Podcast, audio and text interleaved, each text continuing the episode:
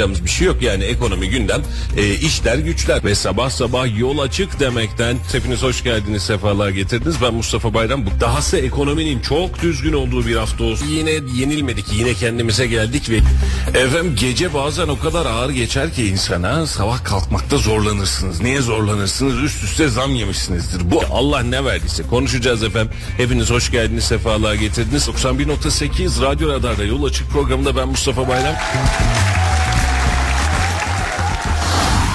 Radyo Radar yol açık başlıyor. Efendim hayırlı sabahlar ve günaydınlar diliyoruz. Hepinize hoş geldiniz, sefalar getirdiniz. Yılın son yayını ve yılın son cuması şu an itibariyle sizlerle beraberiz ve bugün itibariyle de 2023 yılının yayınlarını daha doğrusu yol açık yayınlarını kapatmış olacağız. Ta ki ne zamana kadar? Önümüzdeki hafta salı gününe kadar sizlerle beraber olmayacağız ama bugün yılın son yayınında ufak bir yıl değerlendirmesiyle ve gündemdeki mevzularla yeniden sizlerle birlikte olacağız. Hepiniz hoş geldiniz, sefalar getirdiniz efendim. Ahmet Beyciğim günaydın, sizler de hoş geldiniz.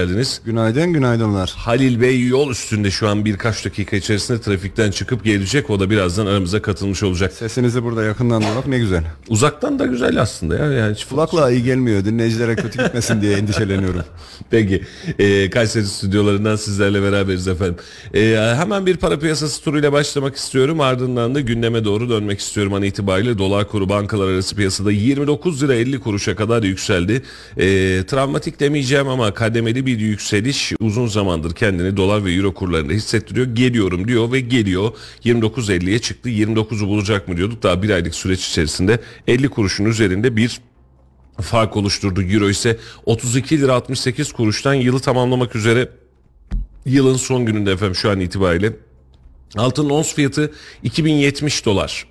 Gayet iyi bir rakamda şu an itibariyle seyrediyor. Brent petrolde ise bir miktar gevşeme var. 80 dolar seviyesine ulaşmıştı. 80 doların hemen altında ve hemen üstünde hareket ediyordu. Şu an itibariyle 77 dolar 58 sentten devam eden Brent petrol fiyatı var. Eğer bu düşüş devam eder ve kalıcı olacak olursa ufak bir miktar akaryakıtta indirim gelmesi söz konusu. Ama tabii ki konuşacağız. Özellikle üzerindeki matrahın doğrudan değişmesi sebebiyle e, ÖTV matrahlarının yıl sonu itibariyle değişmesi sebebiyle önümüzdeki günlerde e, akaryakıt fiyatlarında farklı bir zam tarifesi uygulanması da söz konusu. Onu da ilerleyen dakikalarda konuşacağız. Borsa İstanbul dünü çok şükür dedirterek kapattı. Birçok hissede önemli artışlar meydana geldi. %1.87 ile kapattı. 7396 puandan da e, dünü kapatmış oldu. Bugün kapatacağı rakamla, rakam ile de 2023 yılını kapatmış olacak Borsa İstanbul. Şu an itibariyle kripto paralar grubunda neler oluyormuş buna bakmak istiyorsun. Buna bakmak istiyorum. 42 bin dolar 42 bin 723 dolardan şu an itibariyle Bitcoin işlem yapıyor.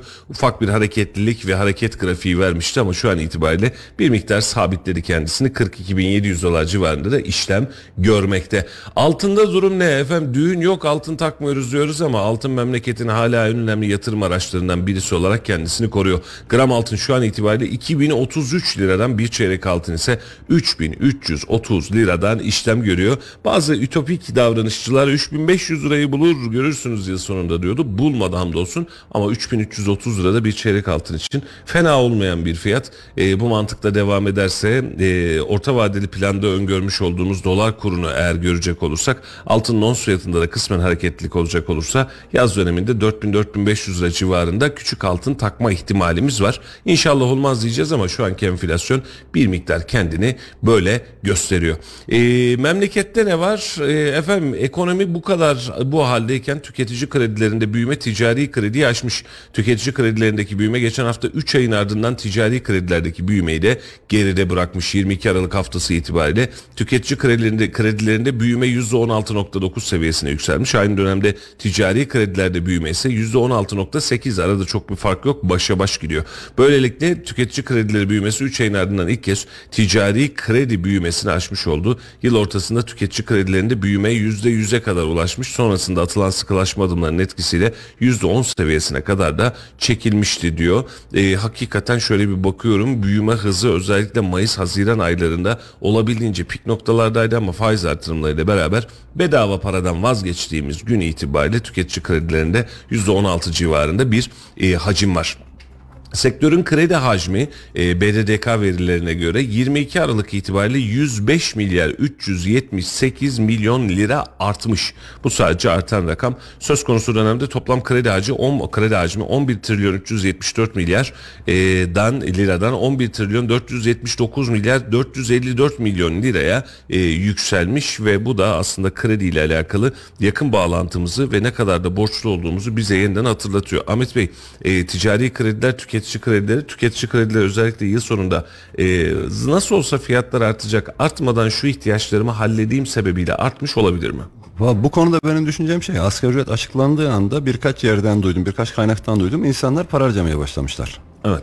Para geldi Yani- nasıl olsa diye. Evet evet yani gelecek e, vaadiyle ya da onun güvencesiyle insanların böyle küçük alışverişleri grubunda diyeyim çok daha fazla para harcadıklarına ilgili birkaç yerden duyum aldım Allah Allah dedim. Yani insanlar e, yeni zamlı maaşlarını Şubat 1 itibariyle almış olacaklar. Yani e, SSK'lı ve şey çalışanlar için söylüyorum asgari ücret çalışanlar için söylüyorum. Çünkü biliyorsun devlet memurları önceden maaşlarını alıyorlar. Yani alıp ondan sonra çalışıyorlar. Evet. Ee, bana çok şaşırtıcı geldi. Yani insanların bu kadar ses demek ki piyasada para olsa ya da insanların cebinde birazcık para gelecek modu olsa piyasada böyle gurur gurur para akacak gibi geliyor bana. Valla ben de birazcık olaya şöyle bakıyorum. Şimdi geçen gün ben de o dalgaya katıldım Ahmet Bey. Ee, bir banka e, mesaj attı. Dedi ki şu kartınızda yapacağınız, şuradan yapacağınız alışveriş 6 taksit imkanı dedi. Ve o 6 taksit imkanını kullanmak için bildiğin kendime alışveriş doğurdum. Yalana gerek yok. Alışveriş derken şahsi alışveriş değil, işle alakalı kullanacağımız malzemeler üzerinden bir alışveriş. Sebebi şu, 6 ay vade farksız yapabileceği taksit yıl sonu itibariyle bir kampanya taksiti beni otomatik olarak cezbediyor. Yani bugün al, alacağım hangi ürün 6 ay sonra aynı fiyatta olur? Hiçbirisi. Bu, yani bu bunu şeye bilmek.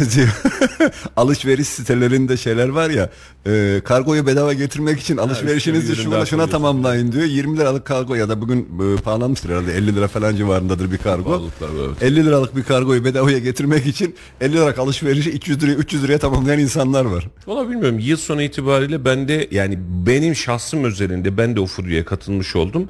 Hani ihtiyacımız kısmen var ama almasak da neyse bekliyor diyeceğimiz malzemeleri ya alalım Allah'ın kötüsü olmuyor bir daha bu fiyatı da bir ürün bulamıyoruz diyerek e, düşünerek alışverişe döndürmüş oldum. Bunun da etkisi var mıdır? E, kredi kartından kullanıyorsunuz taksit yaptırıyorsunuz imkan varsa da yatıyorsunuz üzerine. Halil Beyciğim hoş geldiniz efendim. Hoş bulduk. Günaydın, hayırlı sabahlar. Ankara'da görmüş olduğumuz Ankara'nın Cengiz yok Cengiz değildi o başka bir şeydi. Cengaver. Ankara'nın cengaveri diyelim. Peki e, dün e, gerçekten böyle e, Mahmut Bey yayınımızdaydı sağ olsun. Ticaret Bakan Yardımcısı Mahmut Gürcan.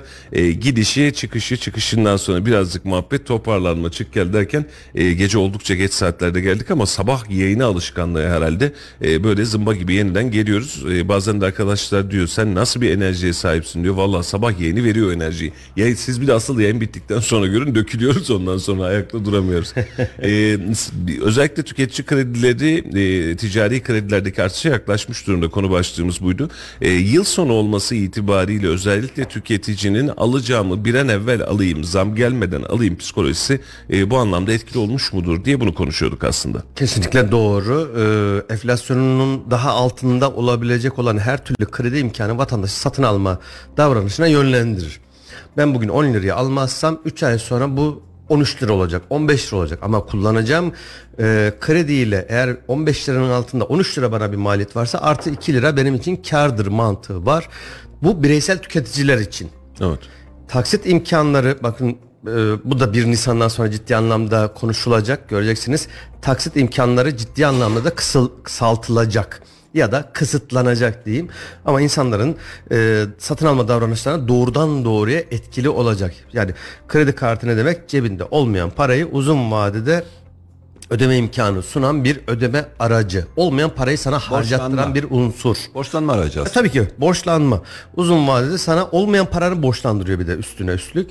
Ee, ama bunlar da kısıtlanacak diye tahmin ediyorum. Diğer taraftan üretici firmalar için de yine aynı şeye geçerli. Özellikle ham madde üretim yapan firmalarda ham madde e, ihtiyacı olan firmalar yine aynı şekilde ben bugün 10 liraya almazsam 3 ay sonra 6 ay sonra bu 15 liraya olacak. Ben bunu krediyle 13 liraya mal edersem aradaki 2 lira benim için ciddi anlamda kar olacak dedi. Şimdi yayına girerken söyledin e, kademe kademe dolarda artış diyor. Şöyle bir son 6 aya baktığımız zaman e, Temmuz ayında dolar kuru 26-12 liraydı. Mustafa.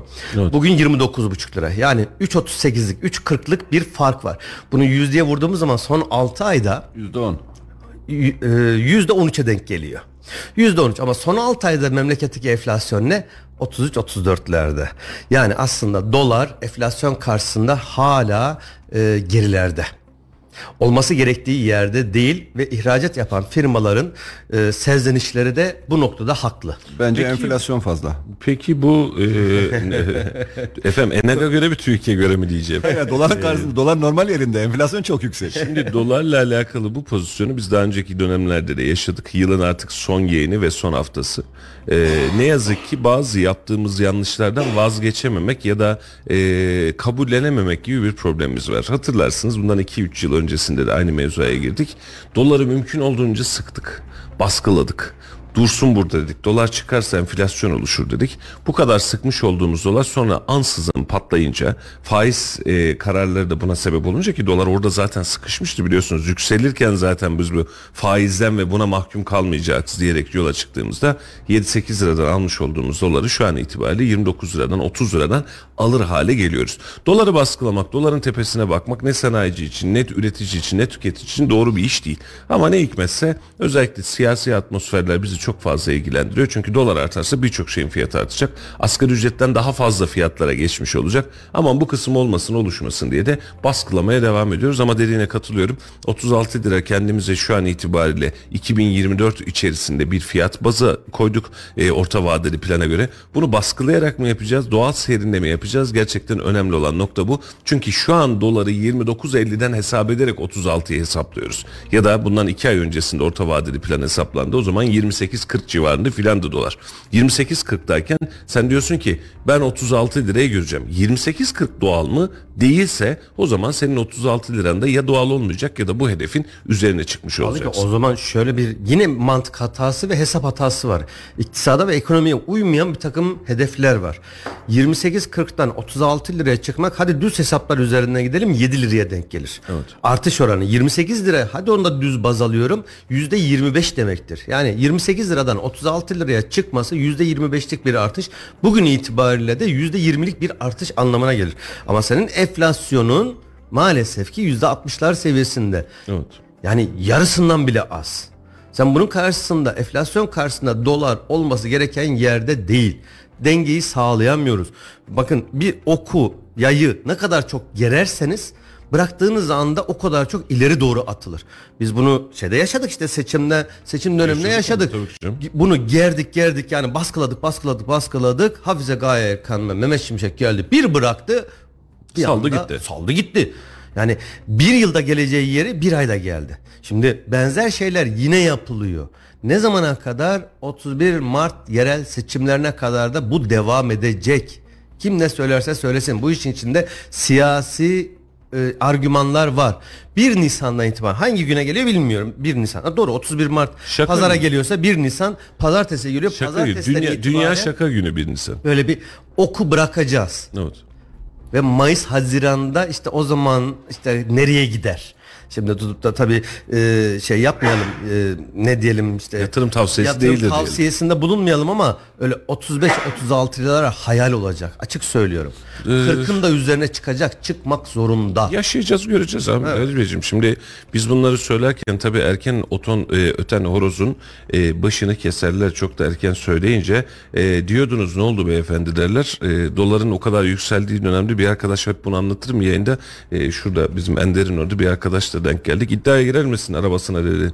Yıl sonuna kadar dedi 2 yıl oldu bu bahsettiğimi. Dolar o zaman 16'lara 16 17 liralar civarında konuşuyor. 10 liranın altına düşecek. Hatta daha iddiam var. 8 liranın altına düşecek. Göreceksiniz bu ülkede bunlar yaşanacak. Arabasına iddiaya girelim dedi. Dedim ki senden araba kazanmak benim için çok keyifli olurdu ama bunu gerçekten düşünmek daha istemiyorum demiştim. Ee, bir araba vermeyecekti tabii onu biliyorum ama en azından iddiaya girseydim. de Maket araba, oyuncak. Oyuncak araba. o da olurdu ya. O da bir şey en azından. Yani bir arabaya söz vermiş olur. İnsanlar bir ufuk ve hayal oluşturuyor. Ee, ve inanmak istedikleri e, ve yankı etkisiyle kendi aldıkları algı kaynaklarından başka bir şey görmüyor. Şimdi bu kısım önemli Ahmet Bey. Mesela e, hani sosyal medyanın algoritmaları da bize böyle veriyor ya. Ahmet Bey diyor ki mesela yeni mikrofonlar nasıl olmalı diyor. Misal soru bu. İnternetten bunun da bakısına bakıyor. Sonra mikrofon sitelerine giriyor. Bir markaya kafayı takıyor. Marka, marka, marka ve kullanma. Sonra bir bakıyorsun Ahmet Bey tamamen bu markayla donanmış. Yani onun en büyük savunucusu olmuş. Siyaseten durum bundan farklı değil. Şimdi Dün bir arkadaşla böyle bir e, bir açıklama üzerinde konuşuyoruz tamam mı? Yani böyle bir açıklama var sosyal medyada. Diyor ki nasıl böyle bir şey söyleyebilir diyor. Aslında açıklama gayet normal. Yani mesela Ekrem İmamoğlu bir açıklama yapmış. Açıklamanın içerisinde anormal durum yok.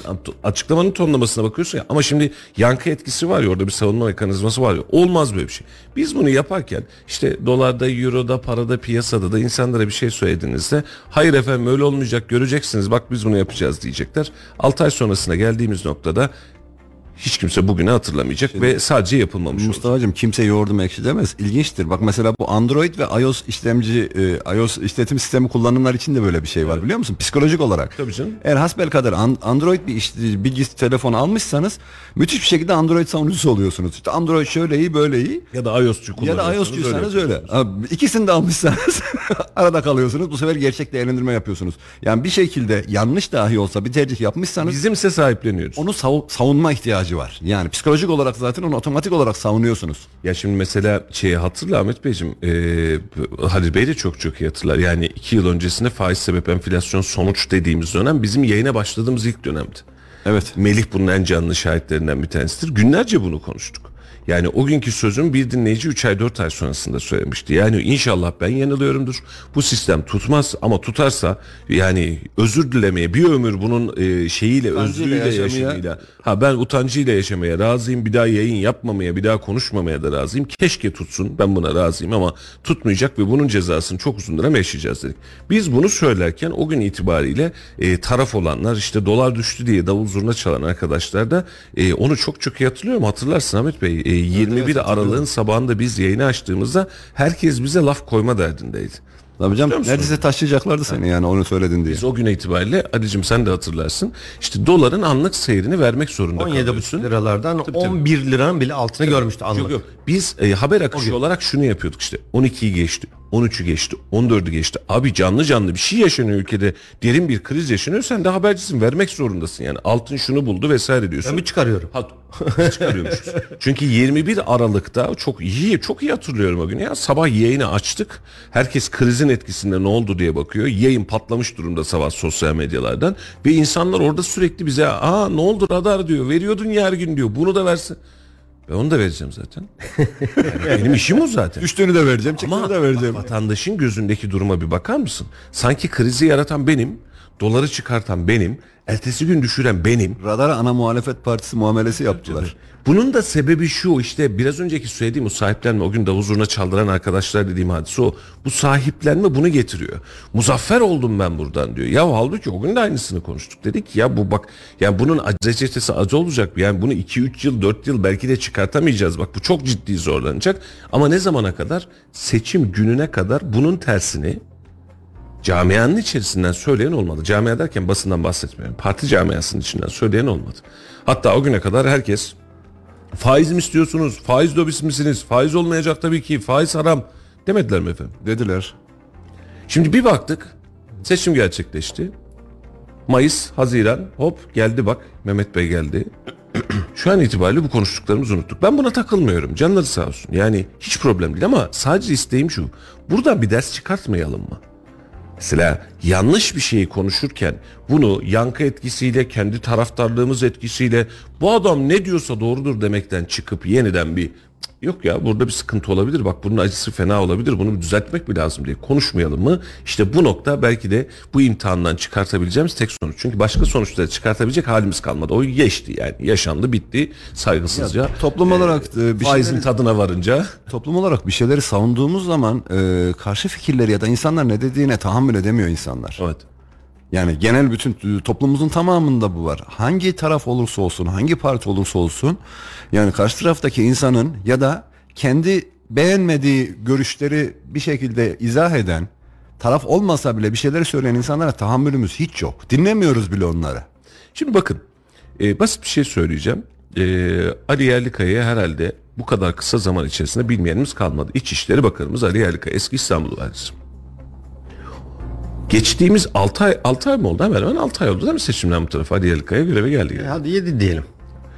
Bu dönem içerisinde yarım yılın içerisinde tabiri caizse 5 kamyon adam topladı bu adam. 10 kamyon adam topladı tabiri caizse. Ne olarak topladı? Suç örgütünden topladı. Uyuşturucudan topladı, ondan yaptı, bundan yaptı.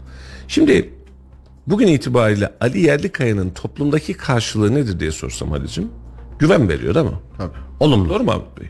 Güven veriyor. Çünkü suç örgütü çökertiyor abi adam. Yani ve bunu yaparken de seriye bağlamış gibi tak tak tak gidiyor. Şimdi bu kısım çok güzel. Şimdi yine geçmişi tartışmaktan bahsedeceğim. Özür dileyerek söylüyorum bunu. Bir önceki dönemdeki bakanlıkla alakalı söylentiler çıktığında Evet. sıkıntı var dendiğinde bu memleketteki bazı inananlar dine inananlar değil siyaseten inananlar bizim bakanımızı yemek istiyorsunuz. Siz ne yapmaya çalışıyorsunuz? Vatan haini misiniz? Dediler mi efendim? Dediler. Şimdi bakıyorsun Ali Yerlikaya ya ben takdir ediyorum. Bak dün e, yayında da özellikle söyledim. Yani ben yüze övgüyü sevmem ama Ticaret Bakanı'nın yeni e, Ticaret Bakanı'nın Ömer Bey'in hareketlerinde gidişatına da bayılıyorum. Çok cevval ve çok rigid hareketler gerçekleştiriyor ve memlekete fayda. Yani iyiyse iyidir kardeşim, kötüyse kötüdür ama bir önceki dönemdeki bakanla alakalı söylenenlere söyleyenlerin ağzına kürekle vurduk tabiri caizse. Siz ne diyorsunuz dedik. Bugün itibariyle Ali Yerlikaya kürekle vurmuyor. Bu iş böyle yapılır. Bak bunlar burada birikmişti diyor operasyon yapıyor. Ben fikir miyiz Ali'ciğim? Yani bir şey temizliyor adam ve bunu yaparken de şöyle yapmıyor. Halef selef dönemi oturtmuyor. Yani işte ya başka bir hükümet gelmedi ki aynı hükümetin devamısın sen yani onun bakanısın. Ve bunlar konuşulurken ağzına kürekle vurduğumuz adamlar şu an oturdu kenardan şöyle diyor. Ne oldu diyor. Diyordunuz ya ne oldu? Evet. Şimdi buradaki doğruluğun insan üzerindeki doğruluğun mutlak bir hakimiyet olmazsa olmaz peygamber kıvamı haşa böyle ne yaptıysa tanrı kıvamı ne yaptıysa doğrudur demekten vazgeçmemiz gereken bir yıl olduğu kanaatindeyim. Bunu seçim döneminde gördük bir önceki seçimde gördük ekonomi politikalarında gördük ve hatta şunun da kaygısındayım şunu da net söyleyeyim. Muhalefetim ben bu adamlara muhalifim diyen insanların da oturup bu adamlar şunu güzel yapıyor. Şurada da yanlış var. Ve oturup işte Halil Bey'le oturup benim senin bir masada şu an konuştuğumuz gibi bu böyle olmalı mı? Bu aslında doğru, bu aslında yanlışı konuşmamız gereken zaman. Ve yani tapmadan konuşmamız gereken zaman belki de 2023 en fazla bize bunu vermeliydi. Yani en fazla bunu görmeliydik. Umarım anlamışızdır diyeceğim ama toplumun bu seviyeye ulaşması herhalde bizim için 5 8 10 yıl belki 20 yılımız daha alacak. Birkaç kuşak daha geçmesi gerekiyor.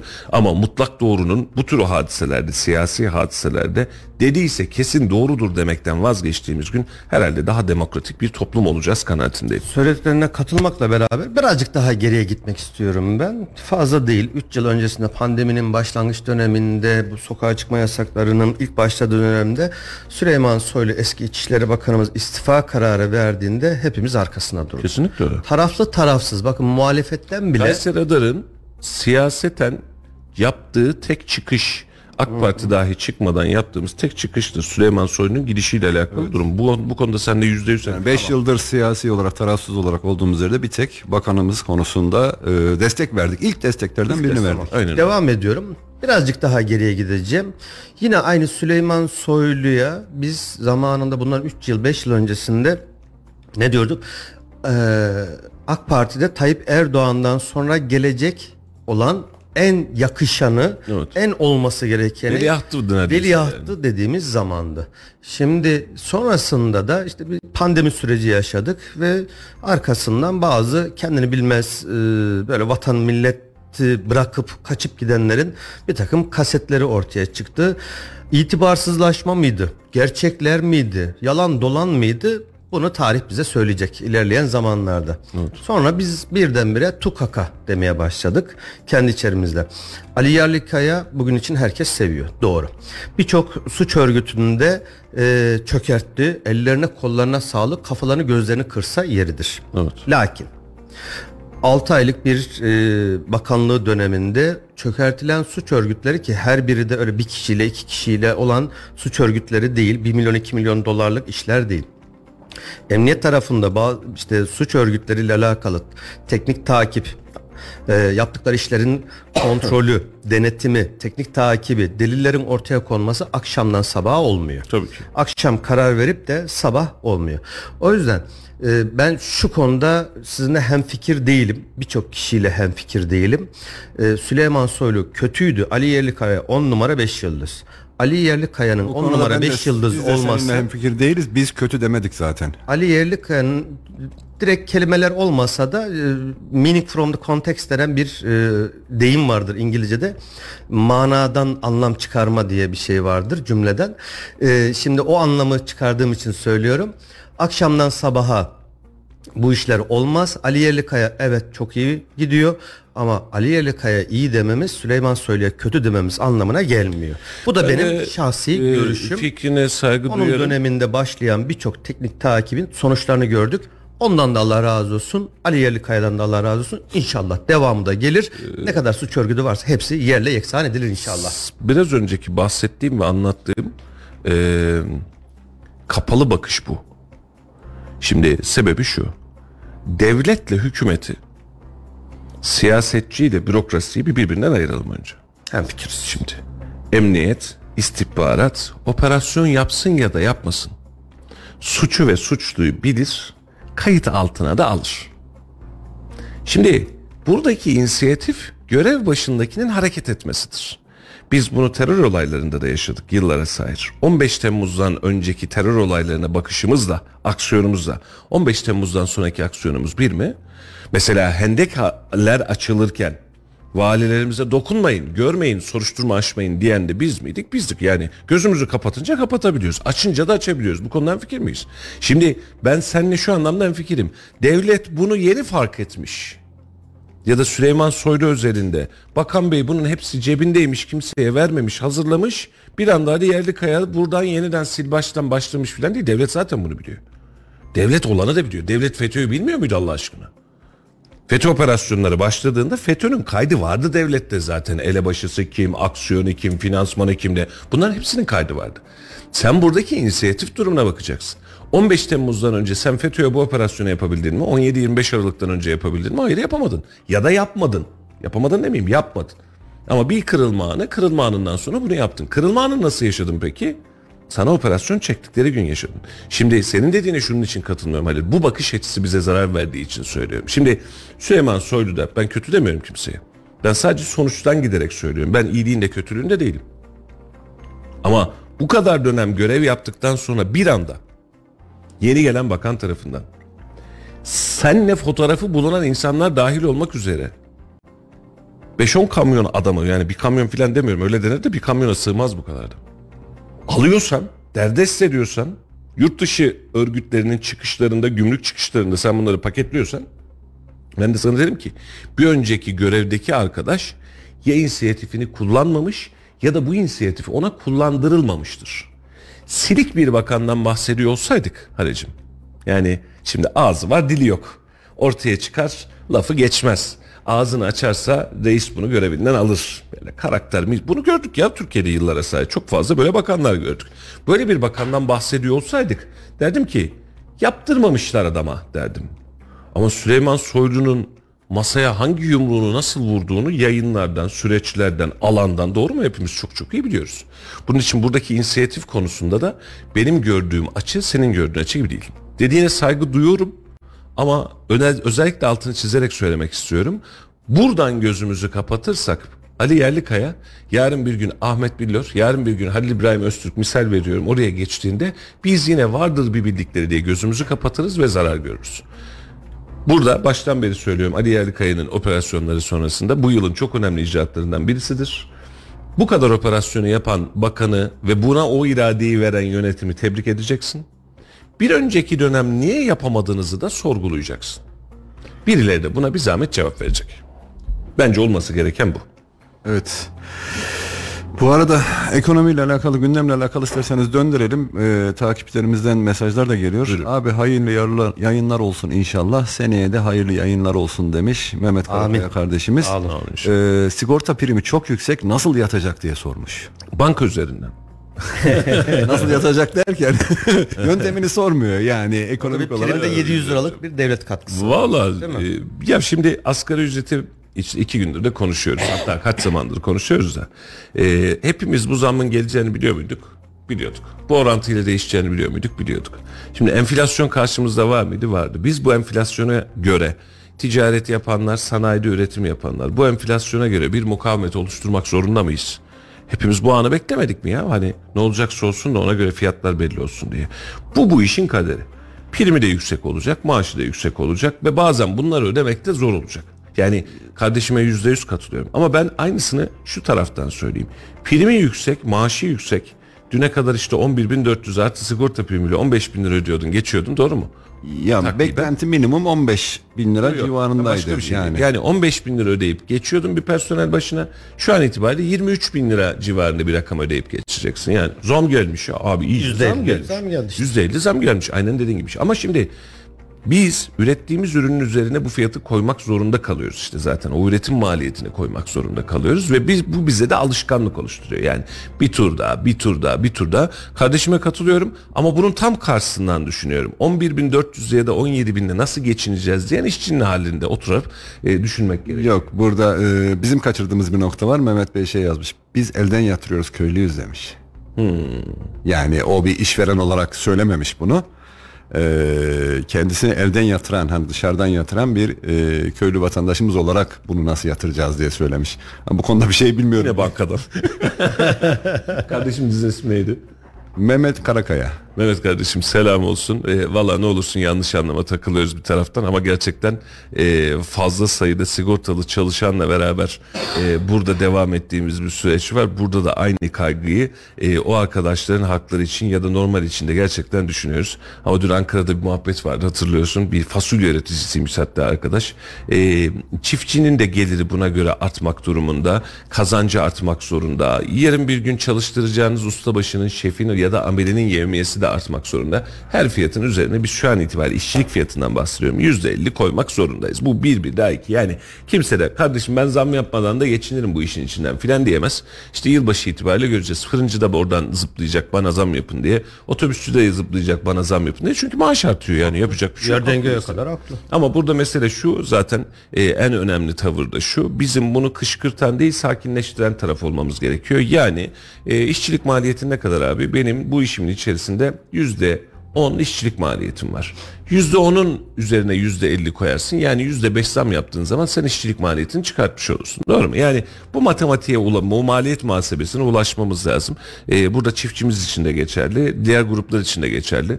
Ee, zor bir süreç olacak. Alıştık. 2 yıldır zamlara alıştık. Her yıl %100'e yakın maaş artışına alıştık. Ee, buna rağmen yetmiyor kısmına da çok fazlasıyla gördük. Ama bu dönemde de e, üzülerek e, inşallah bu maaş bu kez yeter vatandaşa. Ve aç bırakmaz yani hayatı devam eder diye e, düşünüyorum. Emekliler konusunda da Ahmet Bey e, TÜET diye bir birliğiniz var. Türkiye Emekliler Derneği. Üye olmadım ama Üye değil bari. misiniz? Olun bence güzel laflar söylüyorlar. En düşük emekli aylığı 17 bin lira olsun demişler. Milyonlarca çalışan için merakla beklenen asgari ücretin belirlenmesinin ardından gözler emekli zamlarına çevrildi. Emekliler bu zam döneminde son yıllarda yapılan en düşük emekli aylığı uygulaması nedeniyle ortaya çıkan haksızlığın giderilmesini talep etti.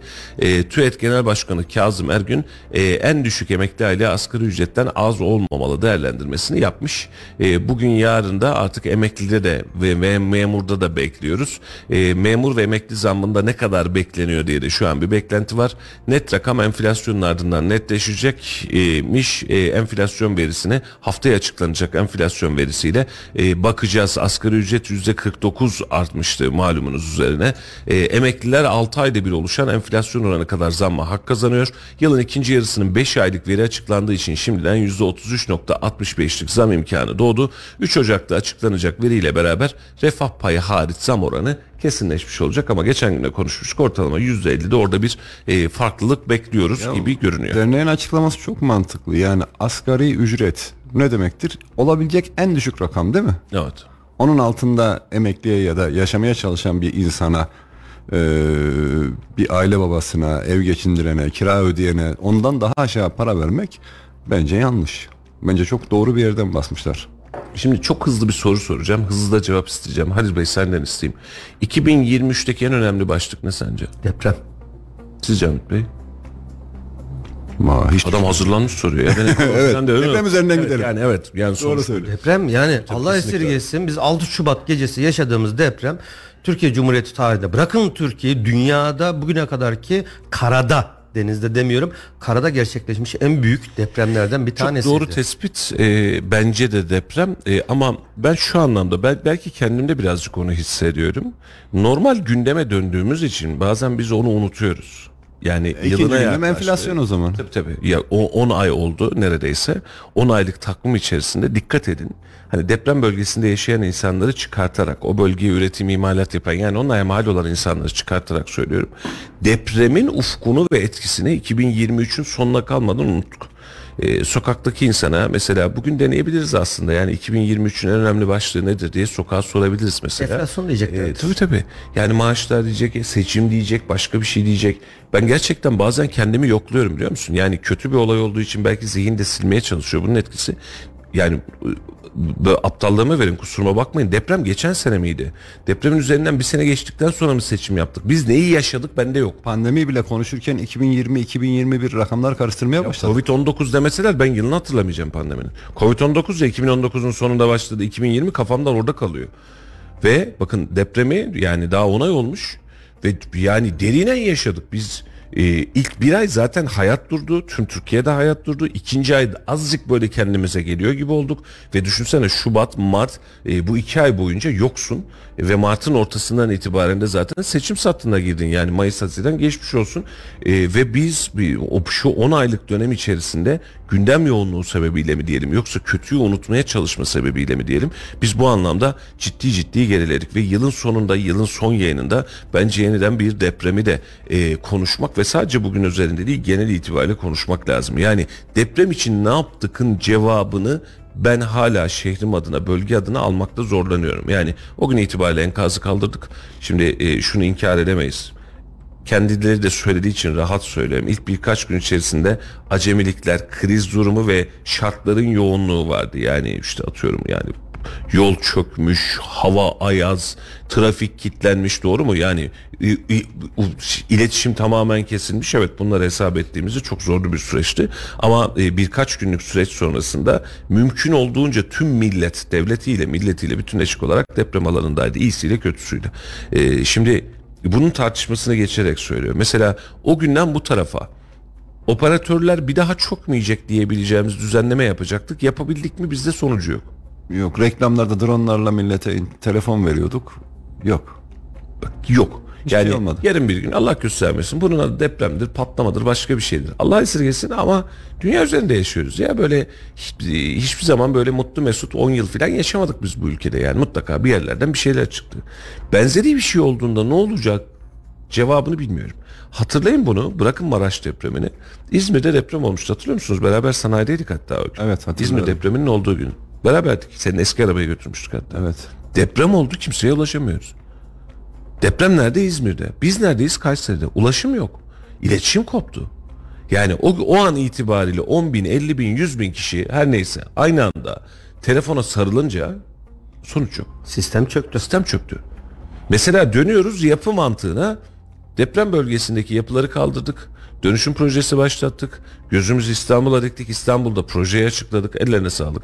De- deprem bölgesinde de gerçekten mali anlamda çok büyük devasa bir alan var. Yani öyle çok kolay herkesin de böyle aman canım ne var yaptınız dört tane ev diyebileceğim bir hadise değil. Binlerce işte e, 600 küsür bin civarında yıkılan bağımsız birimi e, toparlamayı ve yeniden inşa etmeye çalışıyorsun evsiz kalmış adamları. Bundan bahsetmiyorum ama dönüyorsun biz bir yıldır bu anı bekliyoruz. Mesela hükümet gelsin de değişsin de e, hükümet yeniden seçilsin de diyorduk. Bizim şu an itibariyle yüksek kat yapmamızı engelleyecek Bir adım yok. adım yok. Şimdi bugün itibariyle Memduh Büyükkılıç Belediye Başkanı dese ki tamam ben şerefiye parasını da aldım. 15 kat yapabilirsin dese şurada. Kim ne diyebilir? Kimse bir şey diyemez. Ahmet Davutoğlu'nun başbakan olduğu günü hatırlayın. İlk açıklamasında yatay mimariden bahsetmişti. Dedim ki aha bak bulduk biz. Ve biz o açıklamanın üzerine yattık bir daha da gelemedik o kısma. TOKİ'miz olmasa yatar mim yatay mimari diye bir şeyimiz yok. Allah'tan TOKİ var. Ya yıllar önce bayağı bir zaman oldu Recep Tayyip Erdoğan da zaten yatay mimariyle ilgili birkaç konuşmasını Defalarca söyledi. O zaman bizim belediyelerimiz AK Partili belediyeler hatta diğer belediyeler de diyeyim yani sonuçta bir cumhurbaşkanı var. Cumhurbaşkanı komple cumhurun başkanı. Hangi parti olduğu önemli değil. Tüm belediye başkanlarının bağlı olduğu yer Cumhurbaşkanı. Cumhurbaşkanı diyor ki e, devletin en tepesindeki kişi e, yatay mimariye geçeceğiz. Geçin bununla alakalı çalışma yapın. E, o zaman Cumhurbaşkanı dinlemiyorlar. Cumhurbaşkanı kendisini dinletmiyor mu acaba? Ya da kendini öyle. dinlemek istemiyor. Bilmiyorum. Bak bugüne kadar rant uğruna dediğine yüzde yüz katılıyorum Ali'cim. Bunun hiçbir partiyle alakası yok. CHP'lisi, AK Partilisi, MHP'lisi vırt. Rant var. Ortada müteahhit var. Doğru mu? Belediye buradan bedel alacak, fark alacak vesaire olacak. Arsa değerlenecek nüfus diye diye diye diye bu hale getirdik. 10 ay geçmiş depremin üzerinden. 50 bin vatandaşımızı kaybetmişiz. Bilinen rakam hala enkazların altından ceset çıkarttığımız zamanlar var. Yani kolay bir hadise değil. 50 binden bahsediyorsunuz. Öyle aman canım filan diyebileceğiniz bir hadise değil. Bu kadar insanı kaybetmişsiniz ve hala bununla alakalı gerekli adımı atmamışız. İstanbul üzerinde kentsel dönüşüm, yerinde dönüşüm vesaire çıkartıyoruz. Ama yüksek kat mimari denetim geçtiğimiz gün bir arkadaş söylüyor mesela. Diyor ki abi şu an kullanılan betonlarda bilmem bir şey kullanılıyor. Bilmiyorum tekniğini fazla bilmiyorum. Peki dedim beton atarken aldıkları e, nitelikten diyor C35 çıkar. Beton kuruyunca C25 ancak görür diyor. Şimdi bak bir iddia bu. Bununla alakalı birilerinin bir inceleme yapması lazım. Yani doğru doğruysa Yasal çok karıştırılıyor sıkıntılı. demek. Ha, Karat örneği almaları gerekiyor. doğruysa sıkıntı var demektir. Şimdi bizim bu anlamda komple seferber olmamız lazım. Bu işin şakası yok. Ölüyoruz abi. Ekonomimiz çöküyor, sistem çöküyor. Yani bugün 10 milyar dolara yapabileceğin işi o gün 100 milyar dolara yapamıyorsun. Çünkü yıkılmış, altyapı bitmiş, altyapın çökmüş, üst yapın çökmüş, insanın ölmüş, iş gücün ölmüş. Hani hiç kimse bunu görmedi. Daha doğrusu gördü ama görmedi. Ya kardeşim 50 bin insanın içerisinden 10 bin öğrenci, 10 bin emekli, 10 bin ev hanımı say. Ya 10 bin kişisi doğrudan çalışan olsa bile 10 bin kişilik az üretim yapıyorsun sen şu an itibariyle. Yani bunun maliyeti çok çok daha büyük. Hani meşhur hikaye, hikaye demeyeyim yaşamdan hadise. Gidiyorsun bir adam trafik kazası vesaire bir şey yapıyorsun. Devlet neye hesap ediyor? Diyor ki bu adam yaşardı. Emekliliğine şu kadar vardı. Bana şu kadar SGK primi öderdi. Bu kadar tazminat ödeyeceksin diyor. Demiyor mu iş kazalarında? Aynı şey. En az 10 bin tane doğrudan iş gücüne katılımı ne yazık ki hayrete uğurladık. Ve şimdi bakıyoruz bunun karşısında ne yaptığımız konusunda yerelden, ilçe belediyesinden, büyükşehir belediyesinden merkezi iradeye kadar, idareye kadar ne yaptığımız konusunda tatmin edici bir cevabı hala bulamadık. Şimdi biraz önce söylediğin e, konuyla alakalı inşaatlardaki beton kalitesinde değişiklik olabileceğiyle alakalı şimdi kafamda şöyle bir ışık oldu. Biliyorsunuz yeni yönetmeliklerde yapı denetim firmaları çok ciddi anlamda denetlemelere tabi tutuyorlar. Bağımsız e, firmalar denetleme yapıyorlar. Bina bittikten sonra da bence e, bu denetlemelerin kanuni altyapısıyla hiç denetlendiğini zannetmiyorum. Atıyorum bina bitti sıfır tesliminden önce işte bu karottur beton kalitesi alakalı bir muayene hani böyle doktora periyodik muayenelere gidiyorsun ya yılda bir iki yılda bir diyor. Atıyorum ondan sonra 3 yıl sonra aynı şekilde yeni yapılmış bina 3 yıl sonra denetime tabi tutulması gerektiğini düşünüyorum. Çünkü bittikten sonra kimse dönüp de yüzüne bakmıyor. Belediye sadece e, şey kontrol ediyor. E, Asansörü. işte asansör kontrol ediliyor. Deposu. Ondan sonra panjur bile takamıyorsun. işte dış görüntüyü değiştiremiyorsun. Balkonlar kapatılamıyor falan filan gibi şeyler. Bence e, bittikten sonra dediğin olası ihtimallerden dolayı bir kontrol atıyorum her 5 yılda bir, her 3 yılda bir. Neyse bunun e, uzmanları bilirler yani mühendisler bilirler. Aynı zamanda özür dilerim altındaki eğer dükkan varsa kolon kesme var mı yok mu? İşte bunların muayeneleri olmalı bence. Devletin, kesinlikle katılıyorum. Devletin müthiş bir gücü var. Dün Ticaret Bakan Yardımcısı Mahmut Gürcan'ın açıklamasında bir kısım vardı. Dikkatini çekmiştir sen de yayının başındaydın. 1500 tane diyor personel alacağız. Evet. Bak müthiş bir şey. İllere bir bölsene 1500 personeli. 20. Aşağı yukarı. 20 personel il bazında. Bak il bazında 20 tane personel tek işine biliyor musun bu adamların?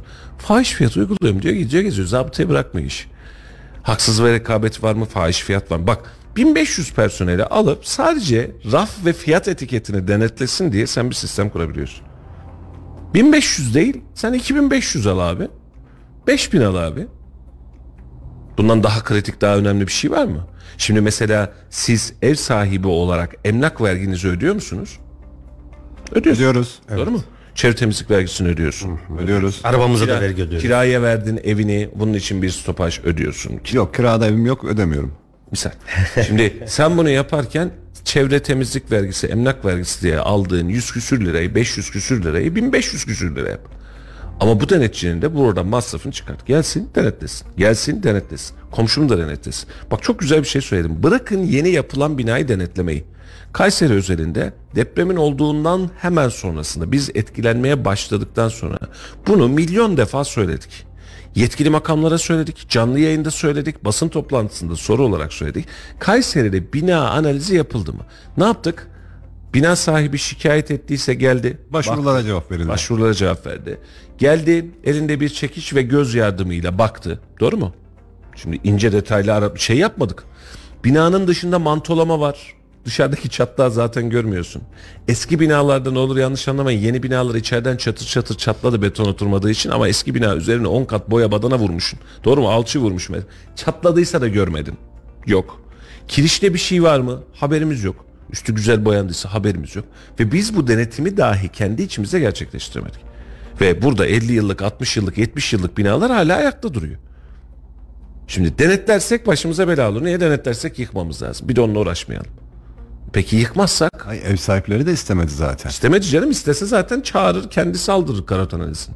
Hiç kimse bu dala basmadı. Peki burada mal sahibinin inisiyatifine mi bırakmalıyız işi Ahmet Beyciğim, Halil Beyciğim? Yoksa devlet olarak biz mi inisiyatif almalıyız? Kesinlikle devlet olarak bunun yani şu ana kadar üzerinden 7 ay geç, şey e, 10 ay geçti.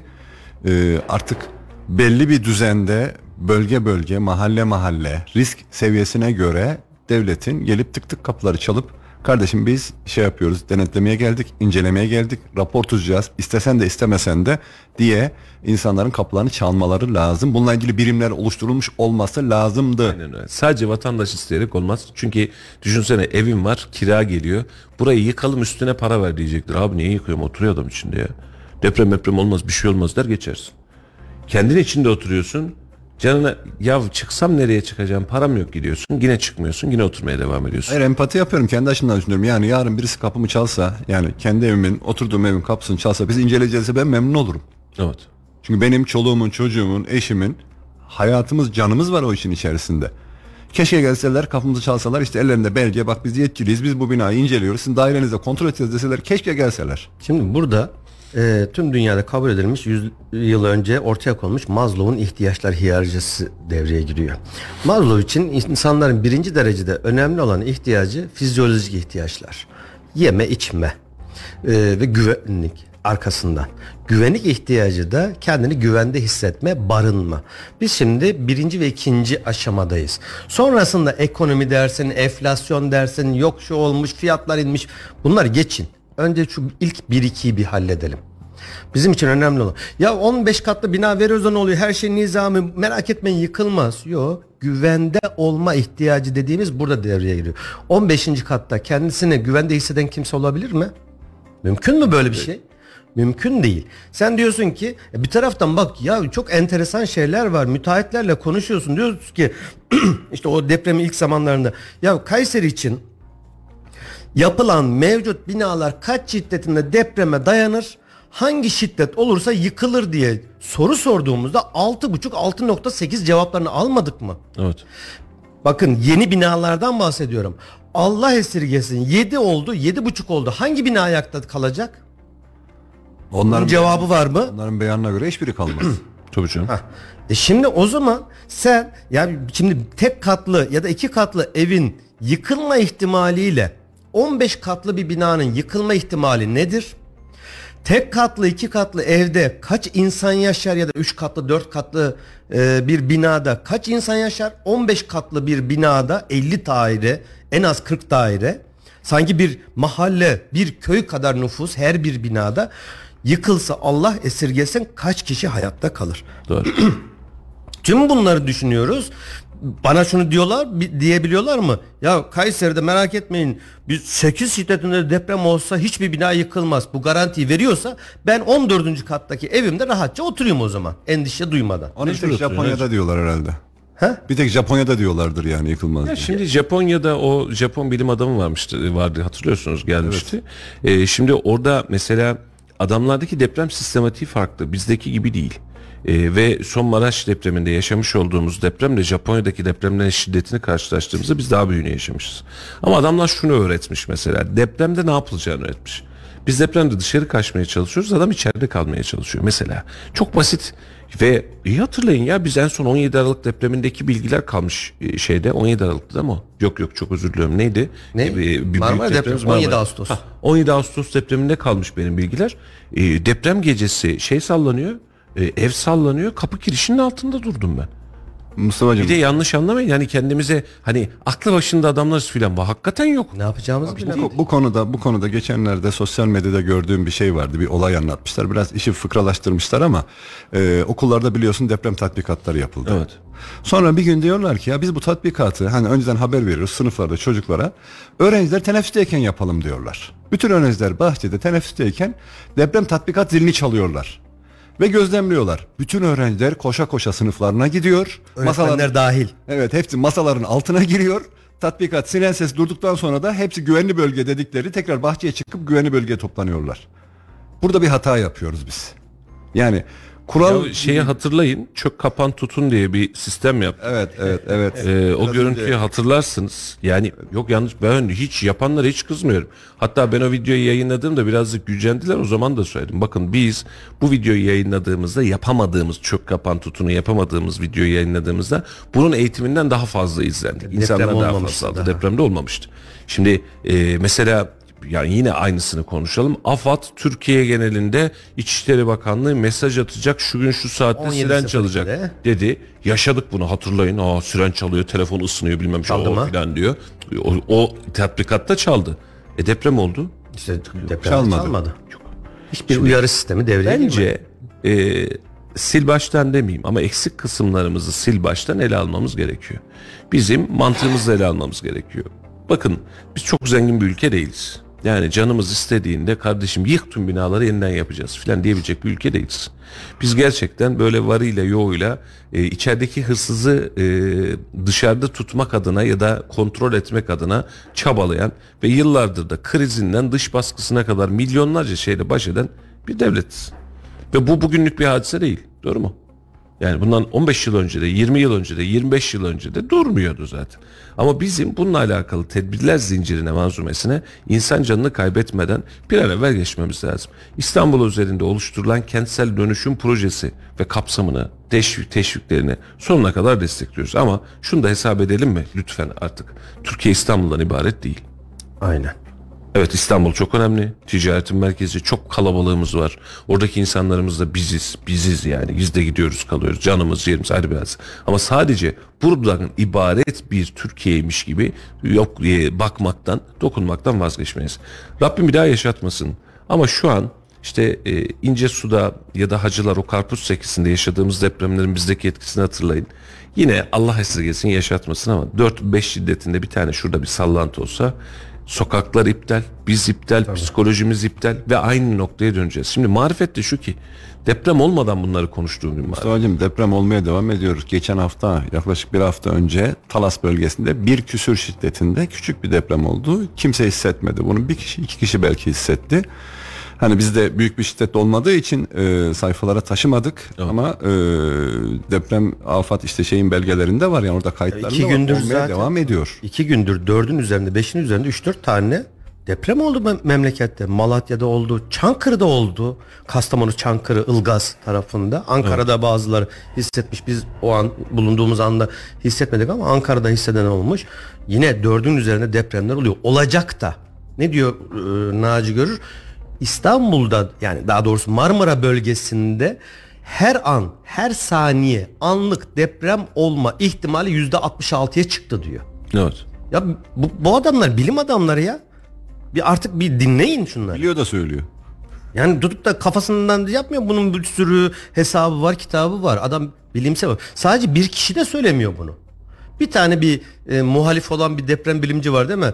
Ne diyor? Yok efendim diyor öyle diyor İstanbul'da diyor yüzlerce yıl daha diyor deprem olmayacak diyor. Siz bunlara inanmayın diyor. Şimdi 10 tane uzmanın ya da profesörün söylediğine mi inanacağız? Bir kişinin söylediğine mi inanacağız?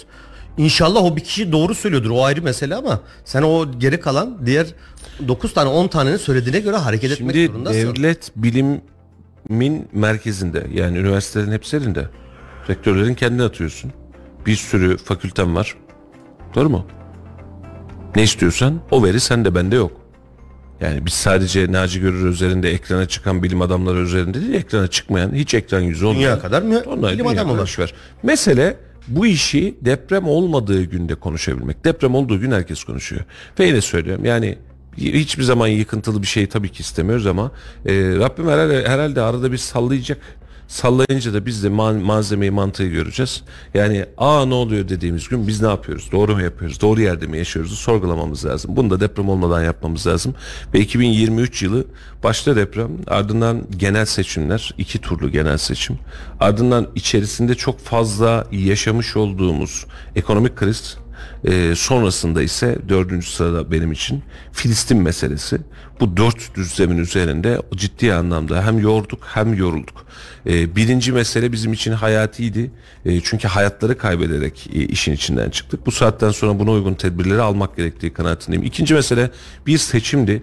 Çok konuştuk, çok tartıştık, çok e, her partiden insanları size yayına ulaştırmaya çalıştık, size ulaştırmaya çalıştık.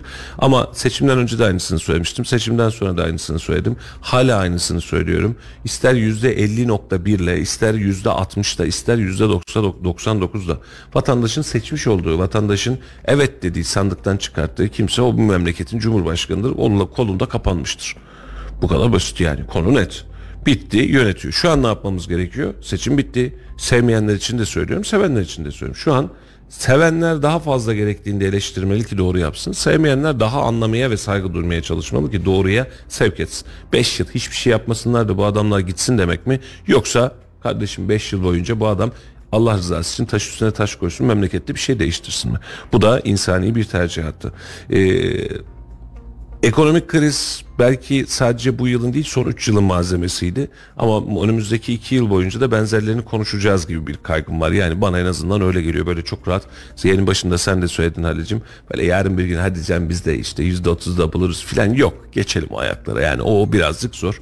Vatandaşı kandırmadan daha düzgün daha sürdürülebilir ve önü görülebilir. En azından bir yola girdik. Yani yani bu yolu da kandırmadan devam edersek bir tık daha rahat edeceğiz gibi görünüyor. Filistin meselesi zaten boğazımızda yumruğu. Ağzımızı açsak da bir işe yaramıyor. Kapatsak da bir işe yaramıyor. Lanet bir durumdayız orada da. Burada da sadece şunu görmek lazım diye düşünüyorum. Ne kadar aciz durumda olduğumuzu, ne kadar kendimizi güçlü hissederken güçsüz durumda olduğumuzu ister ümmet olarak düşünün, ister Türk milleti olarak düşünün, ister milliyet olarak düşünün.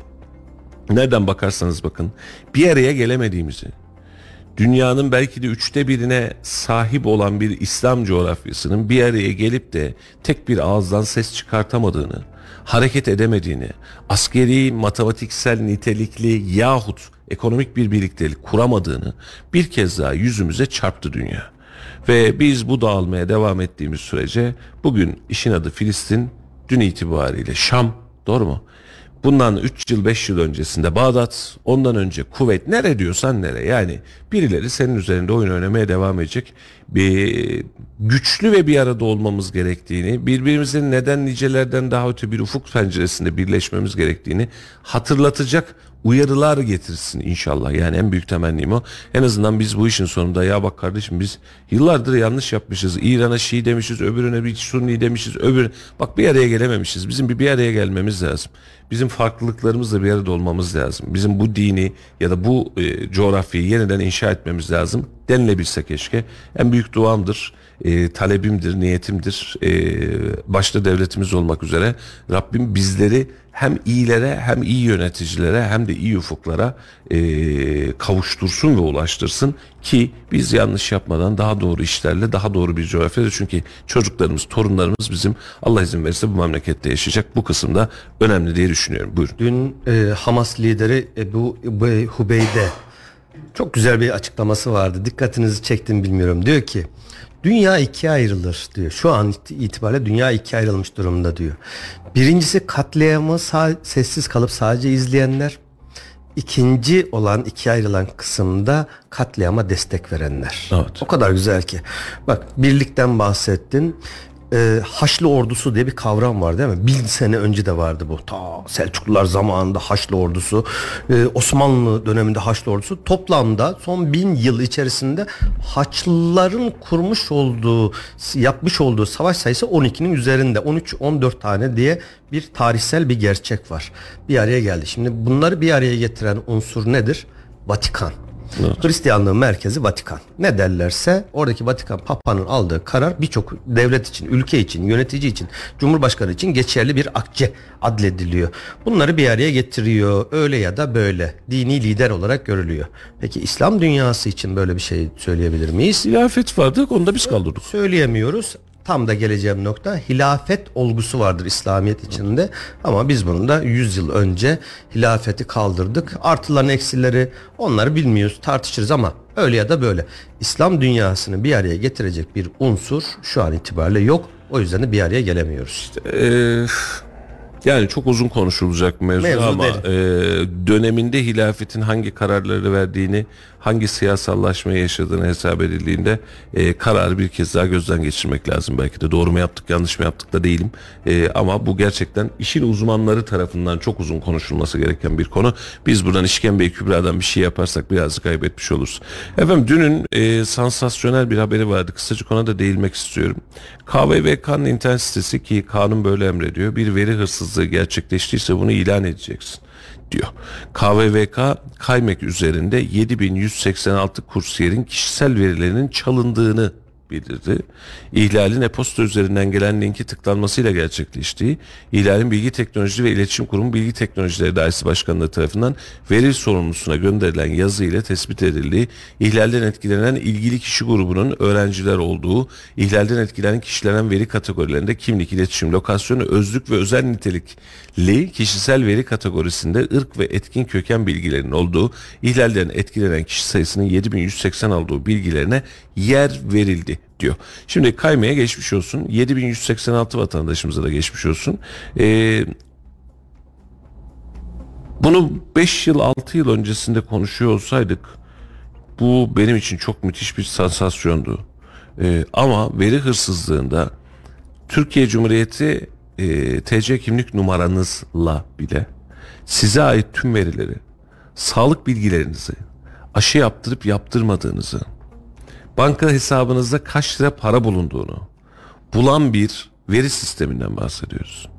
Eğer bizim ülkede yaşamış olduğumuz bu saçmalığı Amerika'da filan yaşasaydık muhtemelen hükümetler istifa ederdi. Bak o kadar derin bir krizimiz var. Ama biz sallamıyoruz.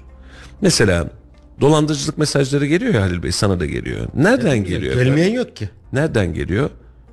Telefonunuzdan geliyor. Peki telefonunuzdaki operatörünüz yurt dışı operatörü mü? Yok hepsi Türkiye operatörü. Gelen SMS'i dolandırıcılık linkini dahi süzgeçleyemeyen bir yapımız var.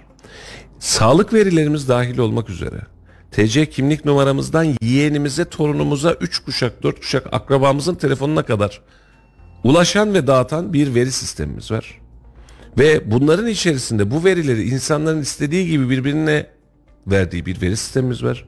Kişisel verilerinin, kişisel verileri koruma kurumunun e, kendini dahi koruyamadığını görmüş olduğumuz bir sistem var. Yani veriyi ne diye gidirsek çalınmış kardeşim bugüne kadar. Ve bu işin cılkı çıktı. Ve hiçbirimiz güvende filan değiliz. Ya şöyle bir tedbir olsa sanırım çok basit bir şey. Bak kullandığım cep telefonu operatöründen günde herhalde bir 8-10 tane reklam SMS alıyorum. Ee, işte bilmem ne bet. Kapatıyorsun yine geliyor. Şöyle bir bet diyor. Bilmem ne diyor. Bahis oyunları. Yok hesabınıza şu geldi. Yok kargonuz şurada. Şunu tıklayın bilmem ne. Ben kullanmış olduğum e, operatör firmasını aradım. Dedim böyle böyle sürekli geliyor ve çoğunluğu da yurt dışı menşeili. Artı 49 diyor, artı 44 diyor, artı 60 diyor bilmem ne. Ee, bu mesajlar, SMS'leri almak istemediğimi söyledim. Şimdi telefonda bir takım ayarlar var. Sadece kişilerimden, kayıtlı olan kişilerimden gelsin. Ama her an her yerden onay için bile olabilir. Bu çözüm değil. Ee, kapattırdım. Evet dedi yurt dışından gelen SMS'leri kapatabiliyoruz. İyi kapatın dedim. Çok istedim. Kapattılar. 3 gün mü 4 gün mü rahat ettim. Vallahi hepsi bu kadar. 3 ya da 4. 5. gün yine yağmur gibi SMS'ler gelmeye başladı. Şurayı tıklayın buraya tıklayın. Peki şimdi çözüm önerisi. Bu sadece benim şahsi fikrim. Bu kadar SMS'e geliyor ve yanlışlıkla tıklayan oluyor. Neyin ne olduğunu bilmeden tıklayan oluyor. Cahillik Ya koca diyelim. koca insanlar koca koca aklı ya. başında insanlar da tıklıyor. Peki şunu yapsalar tüm Türkiye'de faaliyet gösteren operatörlere BDDK ya da işte e, BDDK diyorum özür dilerim. E, iletişimle alakalı e, ilgili kurum dese ki SMS'lerde BTK. BTK SMS'lerde link gönderilemeyecek. Link olmayacak. Bunu sistem orada bir SMS içeriğinde link olup olmadığını her türlü biliyor. Yani herhangi bir şekilde gelen SMS'i tıklama imkanın olmayacak. Bunu bir filtrelese çok mu zor bunu yapmak acaba? BTK yetkililere Yani- sesleniyoruz burada. Kar- kargodan SMS geliyor diyor ki linki tıkla kargonun durumunu kontrol et yolda mı geliyor mu falan yani link kullanılıyor ama bunu içinde ayırt etme şansın yok. Halil Beyciğim, Kullanıcıya bir seçenek verilebilir. Sen kapıyı kapattıkça onlar bir kapı açacak. mutlaka, Şimdi o da mesele var. şu e, hepimize geldi. İşte polis kılığıyla arayanlar vardı bir dönem. Telefonu kapatıyorum, küfrediyorum, kapatıyorum. Emniyeti arıyorum. İlgili operatör firmayı arıyorum. Diyorum ki bak bu numara dolandırıcılık için arıyor. Biz bir şey yapamıyoruz efendim. Savcılığa gidin diyor. Kaç tane adam gidiyor savcılığa? Yani biri beni telef beni, beni aradı diye ve dolandırılmamışım yani ayıkmışım hadiseye ve gitmemi istiyor savcılığa. Kaç tanemiz gidiyoruz? Gitmiyoruz. Aynı şey benim de başıma geldi. Buna- Aradım. Ha, bu- buna tedbir oluşturmuyoruz. Şimdi Kaymay'ın KVVK'dan dolayı KVVK kapsamında bunu açıklamak zorunda. Geçmiş olsun kaybekçilere.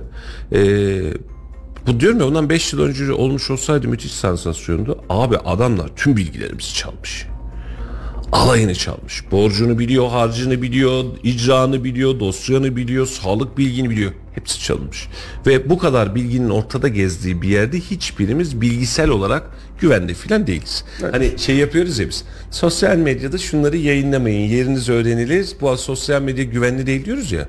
Abi bizim e-devlet sistemimiz güvenli değil. Yapmayın. O ya. zaman hemen şunu söyleyelim. Teknolojik olarak Özür şu an üçümüzün aynı odada olduğu bile biliniyor zaten. Ee, hemen buradan kaymeke bir şekilde bağlantı kuran, kurs alan, bağlantı olanlar çok hızlı ve ivedi bir şekilde ne kadar nerede şifreniz, kullanıcı adınız varsa tamamını ivedilikle değiştirin. Banka şifrelerinizi değiştirin, e-devletinizi değiştirin. KVVK siteden açıkladıysa o iş için artık çok geçerli. Şimdi Yine yapsınlar ama o, o iş geçmiş. Ama şimdi olmuş. oradaki binlerce kişi aynı zamanda hemen şunun hesabını boşaltalım, şuna girelim. Anlık mı yapıyorlar? Sırayla yapıyorlar. Yani, e, Ne buna e, yapay zekayı da kullanıyor, sistemi de kullanıyor. Yani o işi sen o linke tıkladığında karşındaki birisi telefonuna girip bilgini falan almıyor. Zaten alacağını alıyor, vereceğini Bilgileri çekiyor hemen. Seninle hiç alakası yok. Ve hatta bunu yaparken bunu birçok firmada vesairede yaşadık. Sen bir ay boyunca hiçbir şey fark etmiyorsun. Senin tüm sistemlerine kendini enjekte ediyor. Ondan sonra başlıyoruz sil baştan. Onun için burada ben kaymak özelinde e, söylemiyorum bunu. E, genel itibariyle söylüyorum. Kaymaya geçmiş olsun. Ama bu veri ve verinin tutulmasıyla alakalı Türkiye'de artık e, e-devlet sistemi dahil olmak üzere hiç kimse güvende değil. E, bunun da çözümünü ve çaresini bulabilecek bir BTK'ya ihtiyacımız var. Yani oradaki BTK kafasına ihtiyacımız var. Veriyi tutmayacağız abi biz. Veriyi sadece sen devlet işleriyle alakalı tutacaksın ve veriyi çok güvenli hale getireceksin. Ben gittiğimde bir kursa lütfen iletişim bilgilerini verir misiniz? Vermek istemiyorum. Kaydet beni. Doğru mu? Ahmet Mehmet beni kaydet. Ya Geç. KVKK metnine birçok web sitesinde böyle işte kaymak gibi diğer kurs bilgiler için kayıt yaptırırken o metni onaylamazsan zaten sayfayı geçemiyorsun. Tabii canım. Mecbur bırakıyorsun. Yani onu onaylattırıyor. Sen diyor bunu kabul et. Ben senin verilerini kullanacağım. Ve yerde koruyacağım şey. diyor. He, ve koruyacağım diye zaten sana bir kocaman 3-5 sayfalık bir metin gösteriyor. Sen okudum onaylıyorum diyorsun. Siz bunu güven altında tutacağınıza inanıyorum diyorsun. Veriyorsun sonra çalınıyor. Neyse ki buradaki bahsedilen veriler neyse kisi yok aslında çalınmış bir şekilde de e, kursiyer verisi hani Halil Bey'in dediği gibi böyle büyük paralı işte banka hesapları falan filan otur bilgileri değil ama çocukların verileri gitmiş. Ya ben sana kursiyer söyleyeyim. yani bunlar. Oradaki giden bilgileri alan hacker grubu ya da şey grubu, hırsız grubu, hacker da demeyelim. Hacker şerefli bir meslek kalıyor onların yaptığını yanında. Hırsız grubunun yaptığı iş zaten orada çok nitelikli filan değil. Belki yükü iki tane çocuğun başının altından çıktı. Dur şuradan alayım dedi. Sistemleri Ahmet Bey sen biliyorsun içindesin. Yıllardır bu işi yaptın. Bugün teknoloji itibariyle eğitimi aldım içinde Şimdi, değilim. hani bak, bugün itibariyle e, veri analizi ve veri koruması için kurmuş olduğum müthiş sistem 6 ay sonrasında yok. Bu iş sürekli güncelliyor. Sen bu işe çok ciddi yatırımlar yapmak zorundasın. Yani bugün kuruyorsun bir sistem diyorsun ki ben öyle bir şifre yaptım ki 128 bit koruma bunu da kimse alamaz diyorsun. Adam iki ay sonra bir bakıyorsun almış sana yenisini yapmış. Bu işi sürekli güncellemek lazım. Bunu işte atıyorum Kaymek gibi bir belediye şirketi küçük görmek için söylemiyorum. Bu insanların bu veriyi tutmasını beklemen çok zor. Bu adam nasıl tutsun bunu ya? Yani epitopu işte Çin'i kursu filan veriyor yani bu adam yani. Gel diyor şunu işte müzik kursu vereyim, Çin'i kursu vereyim vesaire diyen bir kurstan bahsediyorsun. Ve buna bir kocaman sorumluluk yüklüyorsun. Veriyi al, veriyi sakla, bunu depola, o girmesin filan. La nasıl yapacak bunu? Ya nasıl yapacak Allah aşkına ya? Yani Kaymeğin harcadığı bütçe kadar sadece veri korumaya bütçe harcasa Büyükşehir'in verisini kullan, kurtaramaz yani. En güzel eski sistem değil mi? E, kağıt Kağıtlar ya. üzerinde, dosyalamalar üzerinde, En mis fazla gibi. fotokopin çalınır yani. Evet, Yapacağın sonra bir tane gider. En güzel sistem o. Efendim yılın son yayını, son yol açı uzattık bile biraz. E, hepinize çok çok teşekkür ediyoruz. Yeni gelen yılımız bu yılımızdan daha güzel olsun. Felaketlerin olmadığı, güzel haberler aldığımız, birlikte hep beraber sırt sırta dayanışarak memleket için, memleket huzuru için daha güzel yaşadığımız bir yıl olsun. En büyük temennimiz bu. E, bu geçtiğimiz yıl içerisinde de sürçülisan etmiş olabiliriz. Bazen fikirlerimiz sizi kapsamamış olabilir. Bazen yanlış da düşünmüş olabiliriz. Bunların hepsi insanın doğasında var. Sürçülisan ettiysek efendim hepinizden affola. Var ise haklarınızı helal edin. Biz 2024'te de salı günü itibariyle pazartesi ufak bir tatil yapacağız bir günlük. Yılbaşı sonrası resmi tatil olması sebebiyle. 2 Ocak. 2 Ocak itibariyle 2024 yayınlarımızı açacağız ve başlayacağız. Ve mümkün olduğunca gücümüz yettiğince, dilimiz döndüğünce e, doğru bildiklerimizi anlatmaya, tartışmaya gerekirse yanlış bildiğimizi düzeltmeye çalışmaya bir şekilde devam etmeye çalışacağız. E, kendinize iyi bakın. Yeni yılınız güzel olsun. Eski yılınızdan daha güzel olsun. Daha hayırlı olsun inşallah. Ve güzel haberler alacağımız yeni bir yıl olsun. E, asgari ücreti sormuşuz sokağa. Laf sokakta yine çalışmış. Bakalım vatandaş asgari ücrete neler söylemiş. Bir yeni yıl mesajınız varsa dostlar alalım. Evet, biz de 2023'te yaşadığımız hiçbir acının tekrarlanmaması dileklerimizi ve tüm güzelliklerinizin gönlünüzden geçtiği üzere sizlerin olması dileklerimizle mutlu, huzurlu, sağlıklı bir yıl dileklerimizle. Evet, 2024 yılının en ilginç yani 29 Şubat'ta olacak. Herkes beklesin. Çünkü bir defa olacak 4 yılda bir defa. Evet artık yıl artık yıl bu sene 2024'e geldi. Şubat özel yayını şimdiden yazalım Ahmet Evet. Bey, o gün bir yayın yaparız. Efendim çok teşekkür ediyoruz hepinize yeniden Laf Sokak'ta ailesi baş başa bırakıyoruz. Hoşçakalın. Hoşçakalın. Hoşçakalın. 17 bin lira çok önemli değil ama 2 lira çok önemli. 2 lirayla sakız almayı düşünüyoruz. işçi daha fazlasını hak ediyor. 22 bin lira da olsa yetersiz yani. Konya, Kayseri gibi birçok ilde asgari ücretin çok daha altında ücret ödenmekte. İşçi çıkımlarını görebiliriz. Asgari ücret 17.002 lira olarak açıklandı. Açıklanan bu tutar hakkında neler düşünüyorsunuz? Yani e, enflasyonu yenme durumu gerçekleşirse bence çok kötü bir fiyat değil. Yani yeterli bir fiyat. Tabii enflasyonla mücadelede başarılı olursak. Gidişat başarılı ol- olabileceğimizi gösteriyor. Yani işveren çok etkilenmez. Zaten pandemiden sonra işverenlerin, yani çünkü ben de e, restoran sektöründe çalışıyorum. İşverenlerin kar marjı daha fazla yükseldi. Yani işverenin çok etkileneceğini düşünmüyorum. İşçi daha fazlasını hak ediyor. Az bir rakam. Yani bir 20 bin lira bekliyorduk yani biz. Devletimiz böyle uygun gördü. 17 bin lira bir şey demedik de o 2 lira yani nasıl harcayacağız onu bilmiyoruz 2 lirayı. 2 lirayla sakız almayı düşünüyoruz. 2 lirayla olur bir 20 yıl biriktirirsek belki bir asgari ücret eder. ekmeğe, suya, ondan sonra e, doğalgaza, şuna buna, petrole zam gelmediği sürece bence güzel bir e, zam yapıldı. Ama insanlarımızı şu anda tatmin etmedi. Ee, ilerleyen zamanlarda güzel bir zam daha bekliyoruz. Günümüz zamanında 22-25 arası olması lazımdı. İşveren şu anda biraz zorlanacak ama hani çok da zor bir maaş olduğunu düşünmüyorum ben. Güzel bir rakam aslında ama e, genel olarak yaşam olarak ev kiraları yüksek. Geçim zor. Herkes zorlanıyor. Herkes istediğini alamıyor. Telefon olsun, araba olsun, herhangi bir şey olsun.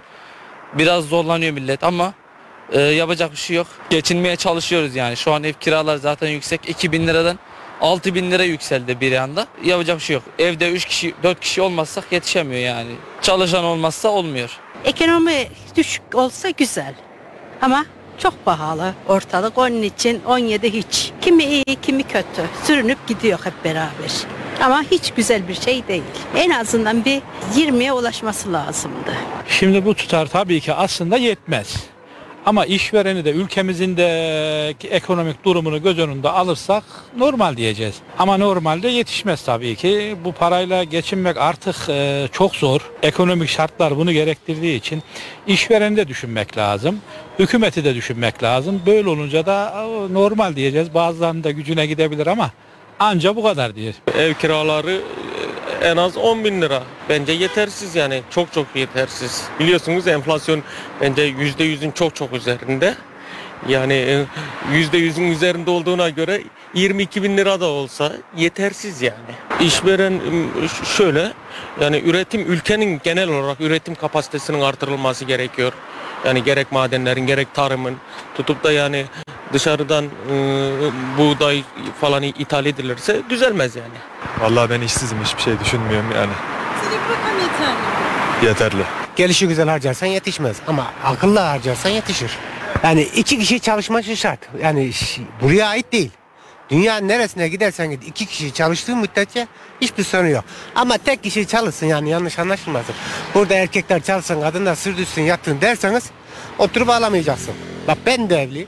Benim hanım da çalışıyor ben de çalışıyorum. Bir sorunumuz yok. Ama ben tek çalışmaya başladığım zaman işte o zaman olmuyor.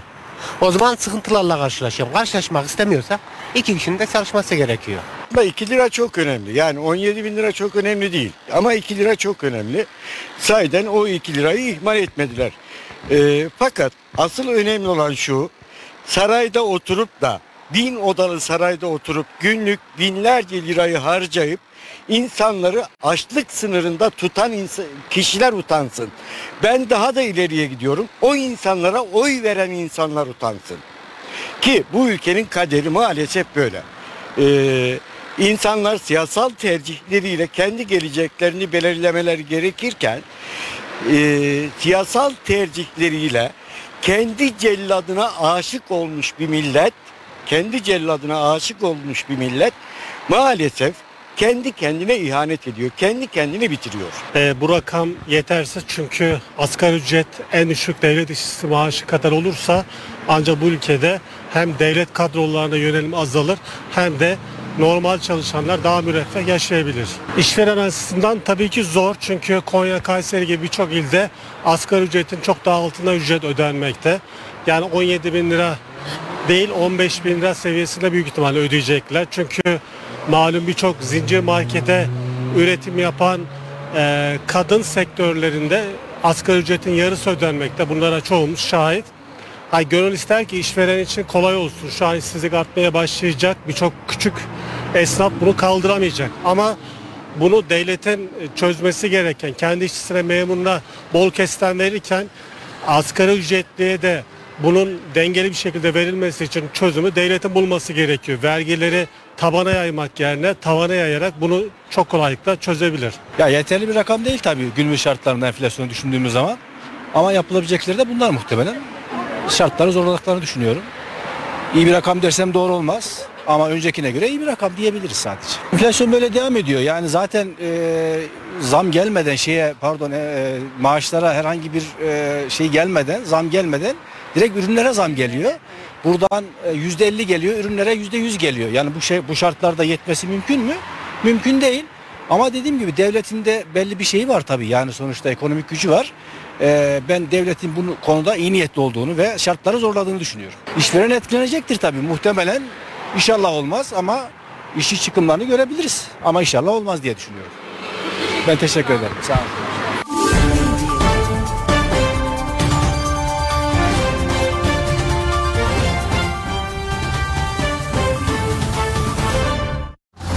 Radyo Radar yol açık sona erdi.